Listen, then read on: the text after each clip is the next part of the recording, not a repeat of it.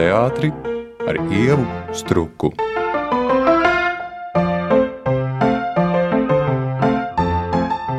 Mans viesis raidījumā Šnorbēniņa šodien ir režisors un pedagogs Pēters Krilovs. Sveiks, Pēteri! Labdien! Lai cik savādi izklausītos, tu esi arī mans aktieru meistarības pedagogs Silvijas Radzobas kritiķu kursā. Daudz jāteic, neatceros, bet vienu lietu gan. Proti, ka dzīves patiesība nav mākslas patiesība. Un faktiski, pilnīgi nopietni, šis kriterijs ir noderējis visu mūžu garumā, vērojot teātris izrādes un domājot par jebkuru mākslas darbu. Nu, ir pagājuši 30 gadi, kad tu šo teici. Es tev gribētu principiāli pārjautāt, vai tiešām nekad dzīves patiesība nav mākslas patiesība, un vai tu ikdienā skatoties mākslas darbus vienmēr par to atceries, tā kā es atceros tevi un šo atziņu. Nē, nu, neatceros gan ikdienā, un patiesībā šī tēze ļoti diskutējama. Viņa kā pedagoģiska tēze un tāds bauslis, viņa ir ļoti noderīga, lai studentiem nejuktu tas, ka, piemēram, viņi kaut ko dara ļoti dabiski, nezinu, naturāli, ja varētu pat teikt, jā, no sevis. Un viņi jūt, vai viņi domā, vai viņi cer, ka tas tiks atbalstīts kā tāds mākslas notikums. Un tas ir ļoti maldinoši, jo tur var aiziet ļoti šķīvi un, un nesaprast. Bet tajā pašā reizē dzīves patiesība, kā kritērijs, kā tests, mākslas patiesībā ir ļoti noderīgs. Un, piemēram, tad, kad es vairs netiku, nu, manā interpretācijā droši vien ļoti daudz sacelsies pret šo paziņojumu, ka man vairs neļāva strādāt ar dramatiskā teātra aktieriem kultūras akadēmijā, jo es tiku pārsviests, nu, it kā daudz tādā jaunākā, neskartākajā laukā pie kino režisoriem un arī pēc tam visām citām specialitātēm. Un mēs tur ļoti, ļoti ar Anītu Sproģi forsējām aktieru meistarību pasniegt režisoriem. Un, protams, arī aktieri pie mums nāca filmēties. Tad uh, mēs ļoti daudz uh, atradām vajadzības, visādus vingrinājumus, testus, paņēmienus, kā caur dzīves patiesību vest pie mākslas izpausmēm. Un, teiksim, mēs pat ieviesām tādu novērojumu un atdarināšanas ciklu, kas tagad ir oficiāla programma, to bez manis dara citi pedagogi kā tādu pārbaudas testu. Tur ir ļoti daudz ko mācīties. Bet, um, No otras puses, nu, man jāsaka tā, ka ļoti bieži arī teātris izrādēs un arī teātris studentu darbos es redzu, ka viņiem šī kopsakarība nav līdz galam noskaidrota. Tas ir slikti, jo viņi Nu, pirmkārt, viņi var tā kā tu paslīdēt uz vienu izpratnes pusi vai arī uz otru, un viņam nebūs šī skaidrība, kāda šiem jēdzieniem ir kopsakarības un kā to sauc dialektiskā attīstība. Ja tā gudri varētu atbildēt. Bet turpinot vēl mazliet par pedagoģiju, es tev tieši arī gribēju jautāt, nu tāds labs režisors, labs mākslinieks nevar, manuprāt, eksistēt bez tomēr diezgan lielas egocentrisma devas. Bet, nu, ja mēs pieņemam, ka tomēr mākslinieki ir egocentriskas personības, kādēļ vieni mākslinieki spēj strādāt pedagoģijā, bet otri nē, un kā tev šķiet, kas ir tā šķautne, kas tad nošķir, kuri mākslinieki var būt pedagogi? Es nojautu jau ļoti agri, jau studējot Maskavā Kino institūtā, ka man ir pedagoģiskās dotības, jo mums bija tāds paralēlais Baltkrievu aktieru kurs, Un eh, mums ar viņiem bija jāstrādā obligāti. Viņi bija tāds, bija tāds sloks, jo mums vajadzēja savus darbus darīt, un pēc tam vēl ar viņiem kaut ko darīt. Viņi bija diezgan slinki un grūti audzināmi bērni. Un es pēkšņi kaut kā sapratu pēc viena gada kopdarbības, ka lielākā daļa no viņiem ļoti labprāt nāk pie manis. Jā, pie citiem kursu biedriem, nu tā, jā, cits izējas nav, tad jā, bet es domāju, kas tur notiek, kāpēc tas tā ir. Un tad es sapratu, ka es uz viņiem atstāju kaut kādu pozitīvu iespēju, ka viņi man uzticās un ka es arī tieku klāt. Un es domāju, ka tas pedagoģiskās dotības, nu, viņas ir retas, nu, viņas ir īpašas. Tur patiesībā sakot, liela kopsakarība ar mākslinieku dotībām nav. Protams, ideāli, ja viņas ir, ja tas ir konsolidēti. Bet tas var nebūt. Varbūt labs pedagogs un un nekāds mākslinieks, ne, un ļoti labs pedagogs pie tām. Es to izjūtu diezgan skaidri, nu, jau pēc savas garu garās pieredzes, ka tad, kad es redzu, ka kāds teiksim, no audzēkņiem spēlē, nu, kaut ko dara, vienalga priekš teātra vai priekš filmu mākslas, ka es ļoti ātri uztveru, kā viņš to dara, kas ar viņu notiek iekšā, viņa psihotehnikā, ja? psiholoģijā, kāds viņam ir iekšējās aizturas, pat komplekss bieži vien vai ne kaut kādas tādas lietas. Un, un es nepārāk ar to spekulēju, bet ja tā ātri vajag salīdzināt, ka, kā tāds labs psihoterapeits, kurš, kurš no cilvēka izpausmēm saprot, Nu, kas ar viņu notiek, kad viņš izpaužās tā vai citādāk. Ja? Un tad, kur varētu būt tā vaina, bet šī gadījumā tas tieši vairāk uz spēlēšanu. Principā, nu, ja viņam šīs lietas dzīvē traucē, man tas faktiski nu, vienalga. Bet bieži vien tas tomēr nav atdalāms. Vien tie paši kompleksi. Ja? Es pie ļoti daudziem saviem studentiem esmu pieķēries viņus pie kaut kādām tādām ļoti privātām, ļoti personiskām izjūtām, kompleksiem, rīcību tādiem modeļiem kas ir ļoti personiski. Bet viņi, protams, arī uz spēlēšanu atstāja iespēju. Nu, tad tur kaut kas jādara. No malas raugoties, man ir bijusi sajūta, ka tava uzmanība tā īpaši ir pievērsta tiem, ko metaforiski mēs varētu teikt, puikas no pēdējā sola. Tādi mazliet rūpju bērni, tad tu tos pazudušos dēlus ievirzīs un palīdzēs viņiem noturēties uz sliedēm. Uh, Vai tas ir tiešām tava cilvēciskā kvalitāte un īpašības, jeb tāda pedagoģiskā, ieraudzīt un vilkt ārā no purva, un, un vai tev ir tiešām arī padoms tādām pavisam kritiskām situācijām, kādas jau tomēr arī jauni topoši mākslinieki piedzīvo? Nē, nu, es pat nezinu, kas ir pirmējāks. Ja? Jo es tev varu izstāstīt tādu ļoti senu savas biogrāfijas faktu, ka es vēl strādājot kino studijā, un laikam jau mazliet jau kopā darbojamies arī kino aktieru studijā ar Ainu Matīs un Arnoldu Liniņu. Man tur ļāva staigāt un darīt kaut ko. Es arī filmās izmantoju studijas aktierus. Tad es eh, vienu gadu, es neatceros, kurš tas bija, bet no nu, 80. gadu vidus, apmēram pagājušā gadsimta, kāds man uzaicināja strādāt Rīgas 64. vidusskolā, kur bija teātris klase. Un pirmajā klasē, kurā es sāku strādāt, mācījās Armāns Reinfelds un Jānis Kalējs. Nu, Reinfelds, diemžēl, nav vairs starp mums, bet uh, Jānis Kalējs bija labs aktieris. Viņš arī kļuva par labu režisoru un tagad producentu vairāk. Kalējs bija tāds uh, dīvains puika, es arī zināju viņa tēvu pēc filmām, bet um, no Armāns bija no ļoti bēdīgas ģimenes. Un to varēja redzēt, zin, klasē jau, ka viņš sēdēja un tā. Un, nu, redz, kaut kas tur man nostrādāja, ka es viņu pavilku uz priekšu un iekustināju. Tāpat tas arī Makovski bija un tā tālāk. Es domāju, ka tas ir kaut kāds instinkts, intuīcija, jo es vienmēr esmu bijis pret, kas man tagad ļoti traucē dzīvot, pret mākslas didaktiskumu un tādu moralizējošu pamācību. Un man šie cilvēki likās tā vērtīgākā mākslas eh, bāze, uz kuras kaut ko var tiešām, ja viņi nebūs tie pareizie cilvēki, pareizie zēni, kas rādīs, kā vajag dzīvot, un kas ir labi un kas ir slikti. Nu, lūk, bet eh, to jau visi zina, ka cilvēks ar diezgan kritisku biogrāfiju, kritiskām īpašībām, ja pat varbūt viņam pašam bīstamām, ka viņš mākslā var būt ļoti vērtīgs. Man, starp citu, bija viens, es to izstāstīšu, tagad, ka, ka man ļoti patika aktieris Rihards Zihmans.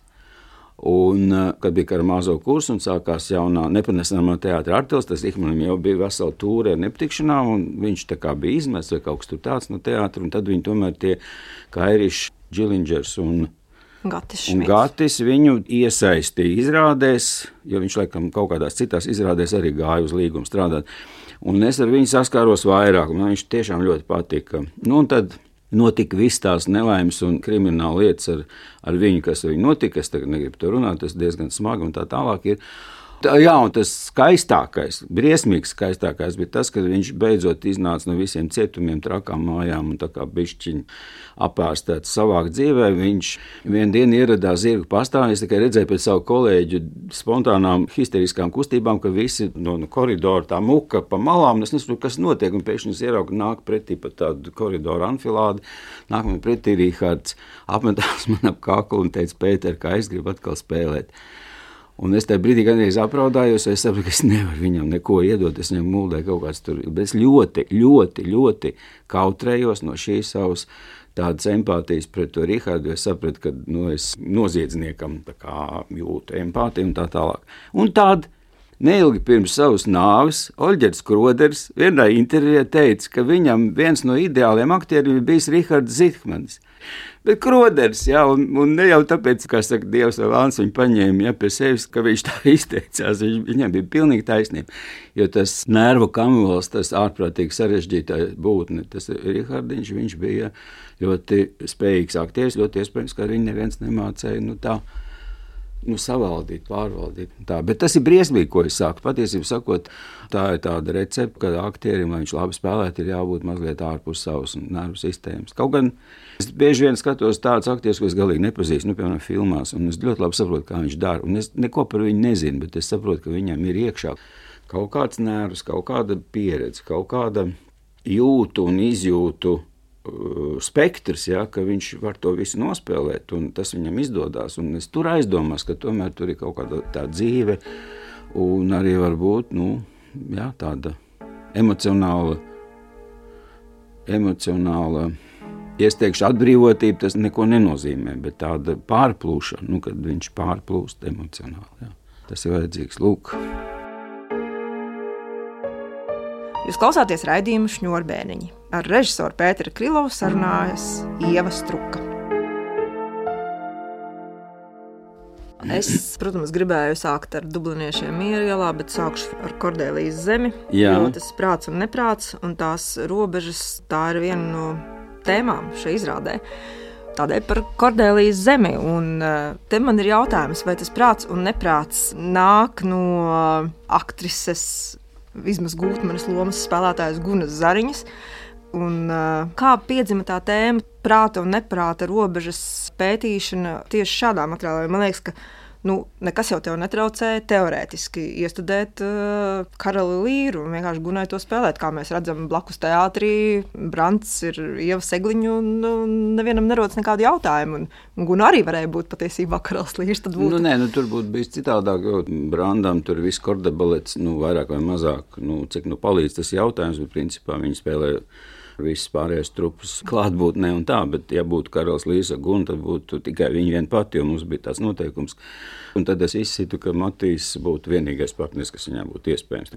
Nē, bet tas jautājums, tu viņu pavēlti tik kautrīgi un sarežģīti uzdod, jo tā ir mana tēma. Ja ņem visu, ko es darīju teātrī, sākot no Benžamīna troksnī un niknumā, ko Girds Krūmiņš spēlē, tad principā vaiprāts ir mana tēma. Tā kā gūna atnāca, Tad pirmkārt es viņu nosodīju par šo nu, izvēli. Es teicu, ka karalis liekas ir slikta luga un ka viņu nospēlēt viņai absolūti nav nekādas jēgas. Ka, nu, ja viņi grib spēlēt vienu pati vecu vīrieti, kas ir līrs, ja, tad es tur nepiedalos. Bet ja viņi grib spēlēt kaut ko, kas saistīts ar vaiprātu, tad es piedalos. Tad viņa arī teica, ka viņa negrib vecu vīrieti spēlēt nekādā gadījumā un ka viņai pietiek viņas mūžā ar to. Nu, tad mēs sākām to virzīt. Un tad es uzaicināju puikas, gan Gērdu, gan Matīsu, mēs uztaisījām tādu komandu, nu, kā tajā bandīta dziesmā, mēs pavisam bijām četri. Un tad mēs četri sākām to lietu improvizēt. Un diezgan ātri mēs tikām no tāda plika, naturāla trakuma. Nu, mums bija trako māja, psihēna. Sākumā mēs pat eh, konsultējāmies ar ļoti gudriem psihiatriem un psihoterapeitiem, kā tas varētu izskatīties. Un tas mums likās tomēr garlaicīgi. Un tad kaut kādā veidā tā pastarpinātā piesaiste, nu, tā kordēlijas zeme un visa tur tā lieta. Jo es vispār noskatījos diezgan daudz karalīra izrādes, nu, ierakstīts, protams, kaut kur internetā. Un es saprotu, ka man neviena, neviena izrāde nepatīk, pat Pīters Bruks. Ne. Un es saprotu, ka tur ir tikai divas ainas, nu, trīs varētu, divi puses ainas, par kurām mēs varētu vispār domāt, ka viņas varētu saglabāties. Tas ir sākums zemes dalīšana, tā ir vētra un tas ir fināls, nu, ka viņš nesā to kordeliju uz rokām. Es atcerējos to brīnišķīgo Ingūru Bergmanu filmu Septītais zīmoks. Mēs domājam, kaut ko tādu taisīt, tāpēc, ka tur ir seni laiki. Vai bet man uzreiz piedzima tēlaina kombinācija, ka karalis līrs tur salmu kūli, jeb labības kūli, un tā ir mirusī kordelī. Tas bija pirmais tēls, kas man parādījās, un iespējams, ka tie salmi arī nostrādāja. Nu, priekš salmiem vajag zemi, lai viņi izaugtu, vai ne? Priekš labības vajag zemi. Un tā zemes dalīšana, tā mums likās ļoti smieklīga epizode, jo viņi patiesībā sakot, no Šekspīra komēdijām varētu būt. Nu, un, Un tad mēs sākām improvizēt. Parādījās tas, ka tā zinātniece, Vīsma Gūtmane, Vīsma Gūtmane ir Vēnspilniece, reāla sieviete. Tā ir sieviete, kurai es iemīlējos sešu gadu vecumā. Viņa bija ļoti skaista, ļoti tāda, nu, zina, kā parasti filmās izrādās attēlo vikingu sievietes. Tādu skaistu, bet ļoti vienkāršu seju, gan arī tādu arhitektisku. Ja? Nu, viņa ir mirusi, un es domāju, es drīkst izmantot beig beigās piemineklis viņai arī. Viņa bija geogrāfa, kas arī zīmīgi, jā, viņa, cik nu padomu laikā varēja, bet viņa tā apceļoja dažas teritorijas. Un tā. Nu, lūk, un tā mēs atradām to sievieti, vīzmu, un tad nu, visi sāka došīgi improvizēt, un mēs visas improvizācijas ierakstījām telefonā, nu, skaņu. Un Gerts to ļoti rūpīgi tūlīt skrēja mājās, atšifrēt un nes mums nākošā dienā lapas. Un pēc trim pat mazāk nedēļām mēs teicām, klausieties, mums tur sanāk kaut kāda luga. Diezgan labi, ja tie dialogi bija tiešām ļoti labi. Viņi bija, mēs, protams, bišķiņi viņus varbūt tur konsolidējām, kaut ko savilkām, jā, vai arī pieņemsim nākošais improvizējam, tā šito mēs atstājam, jā, un tad šito izrunā, un tad bišķiņi citādi nekā iepriekšējā reizē. Un tur es izmantoju savu pedagoģisko jā, pieredzi, jā, ka es varu runāt ar savu audzēkni nežēlīgi tieši kā iebraucot viņam iekšā. Tad, kad viņš man teica, Matīs brīnišķīgi improvizēja, tā, viņš man teica kaut kā diezgan rupi to atštauku, ja, kad, sakot, tad es teicu, nē, es to nevaru izdarīt. Jo es nevaru atraut rokas no cilvēka, kas tā bezdebiņa malā. Un tas tur saglabājas. Un arī tas monologs, ko viņš saka par teātri kā spēli, tos arī faktiski vienā naktī uzrakstīja vārds vārdā kas ir izrādē. Tur nekas nav ne nokritis, ne pielips klāt. Tur tas monologs, es viņam liekas, rakstīju ne ilgāk par 3-5 minūtēm. Piesēdos pie kompja un ja es pēkšņi sapratu, ka kaut ko tādu tur vajag. Nu, un tad, protams, otrais cēliens tapa bišķiņ jau tā kompilējot ar to vētru Tur bija ļoti liels pūles. Tas ir jautājums varbūt tev, bet es nekādīgi nevaru saprast to kritiķu tendenci noteikti atšifrēt. Ko tur guna spēlē? Vai viņi spēlē Vizmu Gutmanu, vai viņi spēlē Karalīru, vai viņi spēlē... Nu, atbildi tāda, ka Guna Zariņa spēlē Vizmu Gutmani, kura domā, ka viņa spēlē Karalīru, un tur vēl šo ķēdi var turpināt. Ja? Faktiski es nezinu, kāpēc kritiķiem tik ļoti svarīgi noskaidrot, ne viņi šito spēlē, vai viņi šito spēlē. Bet mums bija tur lieta, liela problēma, protams, ar Gunu vēl pat tagad, nu, vēl izrādēm jau gatavām, mēs tur kaut ko mainām. Kas notiek ar cilvēku, kad viņš tādā afektā, it kā viņš, it kā viņš ir tas viņa liriskais varonis, par ko viņš visvairāk ir dzīvē pēdējā laikā domājis un ir daba, nu, viss tur kopā, un kas viņā mainās. Un tur bija tā, ka mēs tur, nu, tā kā aptiekā pa milimetram likām klāt, ņēmām nost, kaut ko pastiprinājām, kaut ko šķaidījām. Tas bija baigi rūpīgs darbs. Un, protams, arī viņš mainās, jo tagad, ja tu paskaties vienu izrādu, un, nu, viņi diemžēl rāda divreiz mēnesī, bet, ja pēc mēneša tu aiziet, tad tur būs drusku citādāk. Kā, tā. Nu, un tas Džons Dons, tas piedzima no vajadzības. Nu, lai nebūtu tā, ka Šekspīrs līdzi, Šekspīrs līdzi, nu, tad man tas Džons Dons ir ļoti mīļš no seniem laikiem. Latvijas viņš faktiski nebija tulkots, un tagad tikai tas skaistais notikums, ka tagad viņi arī tulko, un tas tā forši. Nu, lūk. Bet, ja mēs atgriežamies pie tā sākuma, tad vaiprāts, vaiprāts, protams, tas ir tas, kas man saista. Man jau ir, ja tu paskaitīsi, man ļoti daudz izrādes par vaiprātu. Bet tev bail nav? Nē, man nav bail, jo es viņā orientējos. Vai ar saprātu var orientēties vai prātā? Jā. Nē, nu, tas ir tā kā motobraucēji brauc virāžās, gan arī pieskardamies ar plecu zemē, kad ja viņš pa daudz pieskarsies, nu, tad viņš izlidos tur apmalē. Bet nu, mācīt to virāžu ņemt. Kā mākslas fenomens, jeb tēma mākslā, es principā tavu interesi pat ļoti labi saprotu. Bet, ja nodalām mākslu un dzīvi, tad uh, dzīvē man liekas, ka tā ir tik sarežģīta. Un... Nē, nu redz, tur ir ar pedagoģiju ir zināmā sakarā, jā, to, ka pedagogam jābūt ir pret savu audzēkni ļoti. Ļoti specifiska empātija. Viņš nevar tā, ah, es mīlu viņu, tāpēc, ka viņš tur talantīgs vai ko. Uh, Viņam jāsaprot, ka tur ir ēle un uguns un viss kaut kas tāds. Tieši tāpat arī ar trakiem cilvēkiem, ja tu pret viņiem izturies uh, vienkārši nu, ar izpratni. Tu neko nesapratīsi par viņu. Tev ir jāiet viņā iekšā, jāpiedalās un faktiski jāpieņem viņa noteikumi, lai tu viņu saprastu.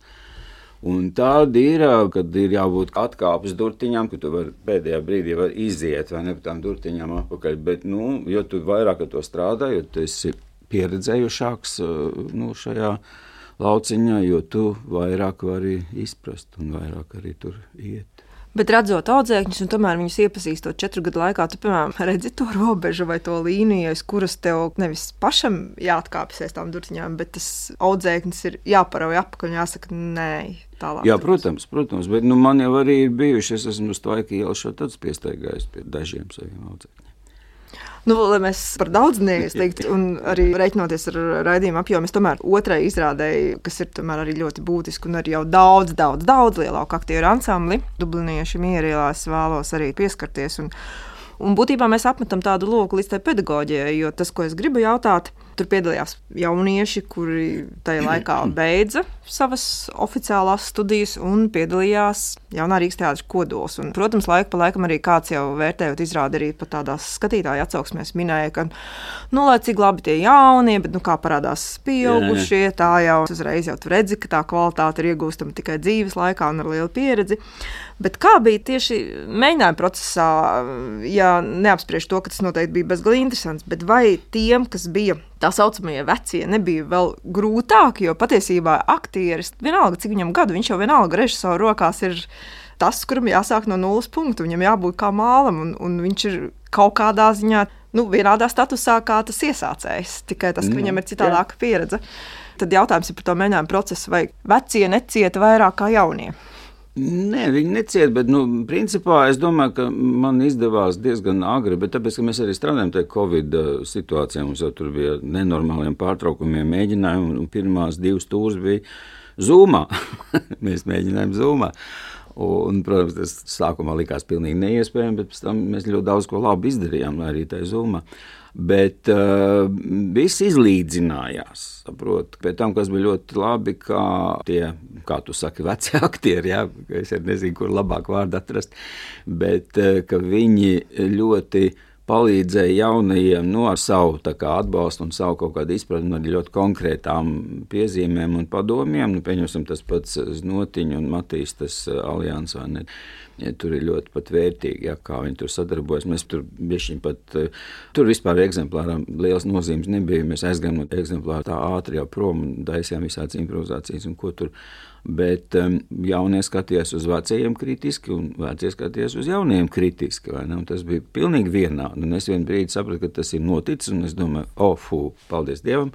Es esmu to panācis, ka te nav nekāda šī tā te Orvela līdztiesība, ka te ir viss tā kā vajag. Un arī bija tur, gan Sabīne bija problēmas vienu brīdi, bet viņa ļoti labi tika galā. Sabīne ļoti iemīlēja kā aktrise, ja, kas var ļoti daudz ko izdarīt. Un, Un ar Matīs, protams, bija Ele, tur, bet nu, darījām un strādājām. Un ar Jānu Grūtu bija ļoti interesanti strādāt. Tas viņa pirmā cēliena fināla dialogs bija Tas bija tāds tests, ja tas iet vai ne labi, tad viss cēliens, gan izvēl, viss izrādi ir izpildījusies.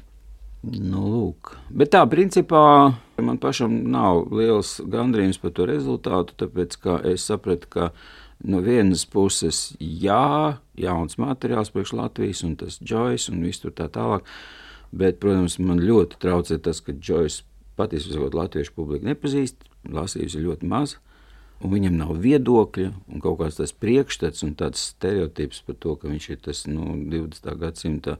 Tas uh, avangarda literatūras pamatlicējs, ka tā uzliek viņam tādu pilnīgi lieku piedestālu, priekš izpratnes. Un, un es sapratu, ka, nu, principā, ļoti daudz enerģijas iztērēts par velti, ka viņi līdz publikai neaiziet tā, kā es to būtu gribējis.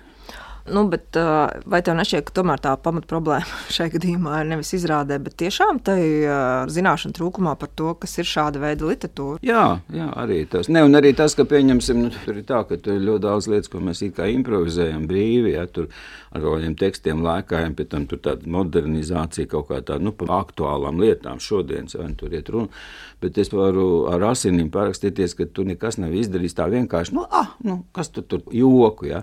Tas viss ir pārbaudīts, salīdzināts un akceptēts no Džoisa improvizācijas tehnikas, ja viņš tāpat arī dara savā literatūrā.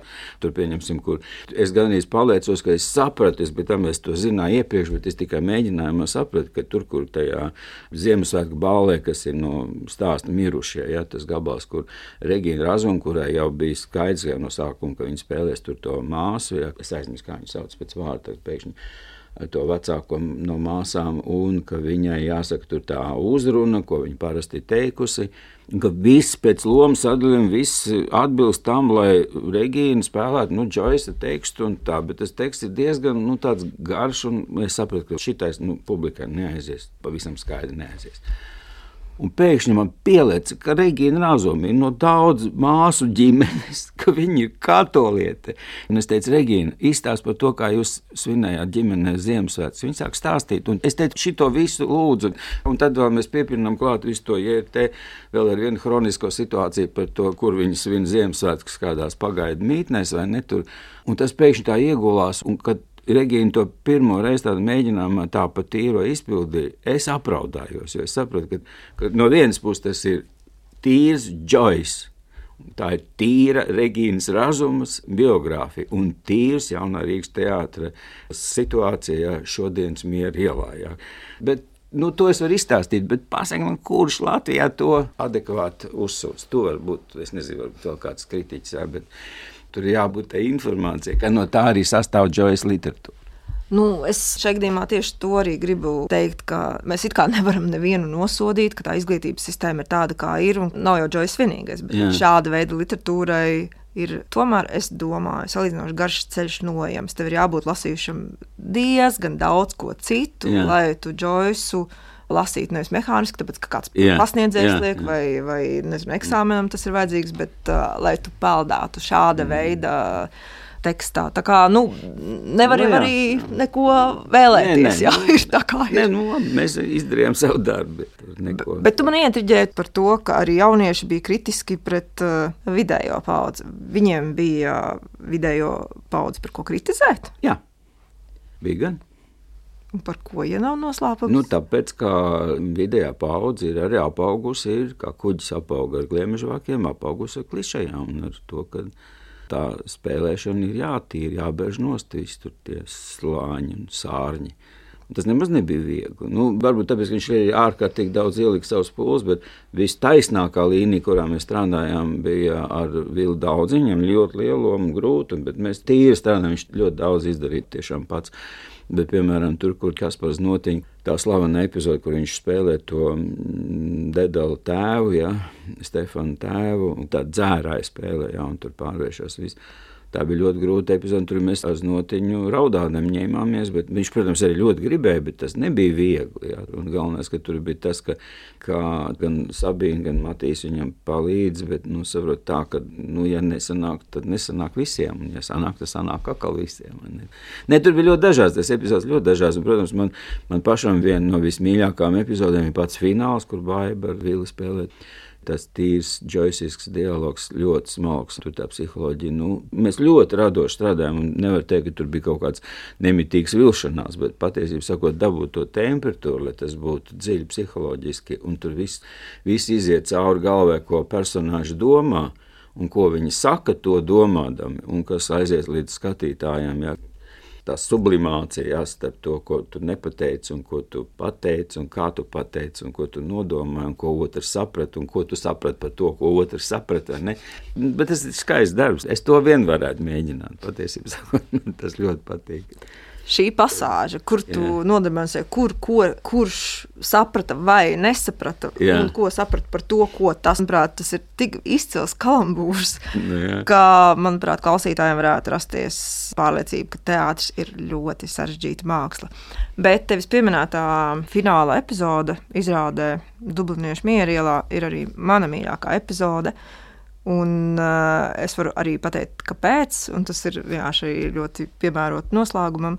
Tādēļ, ka šie vienkāršie vārdi atzīšanās mīlestībā un uh, zaļā gaismiņa, kas iedegas mm. kā izēja, man likās, ka tur runā nevis konkrēti Džoisa varoņi, nevis Vilis Daudziņš un Baiba Broka, bet uh, tu pats personīgi.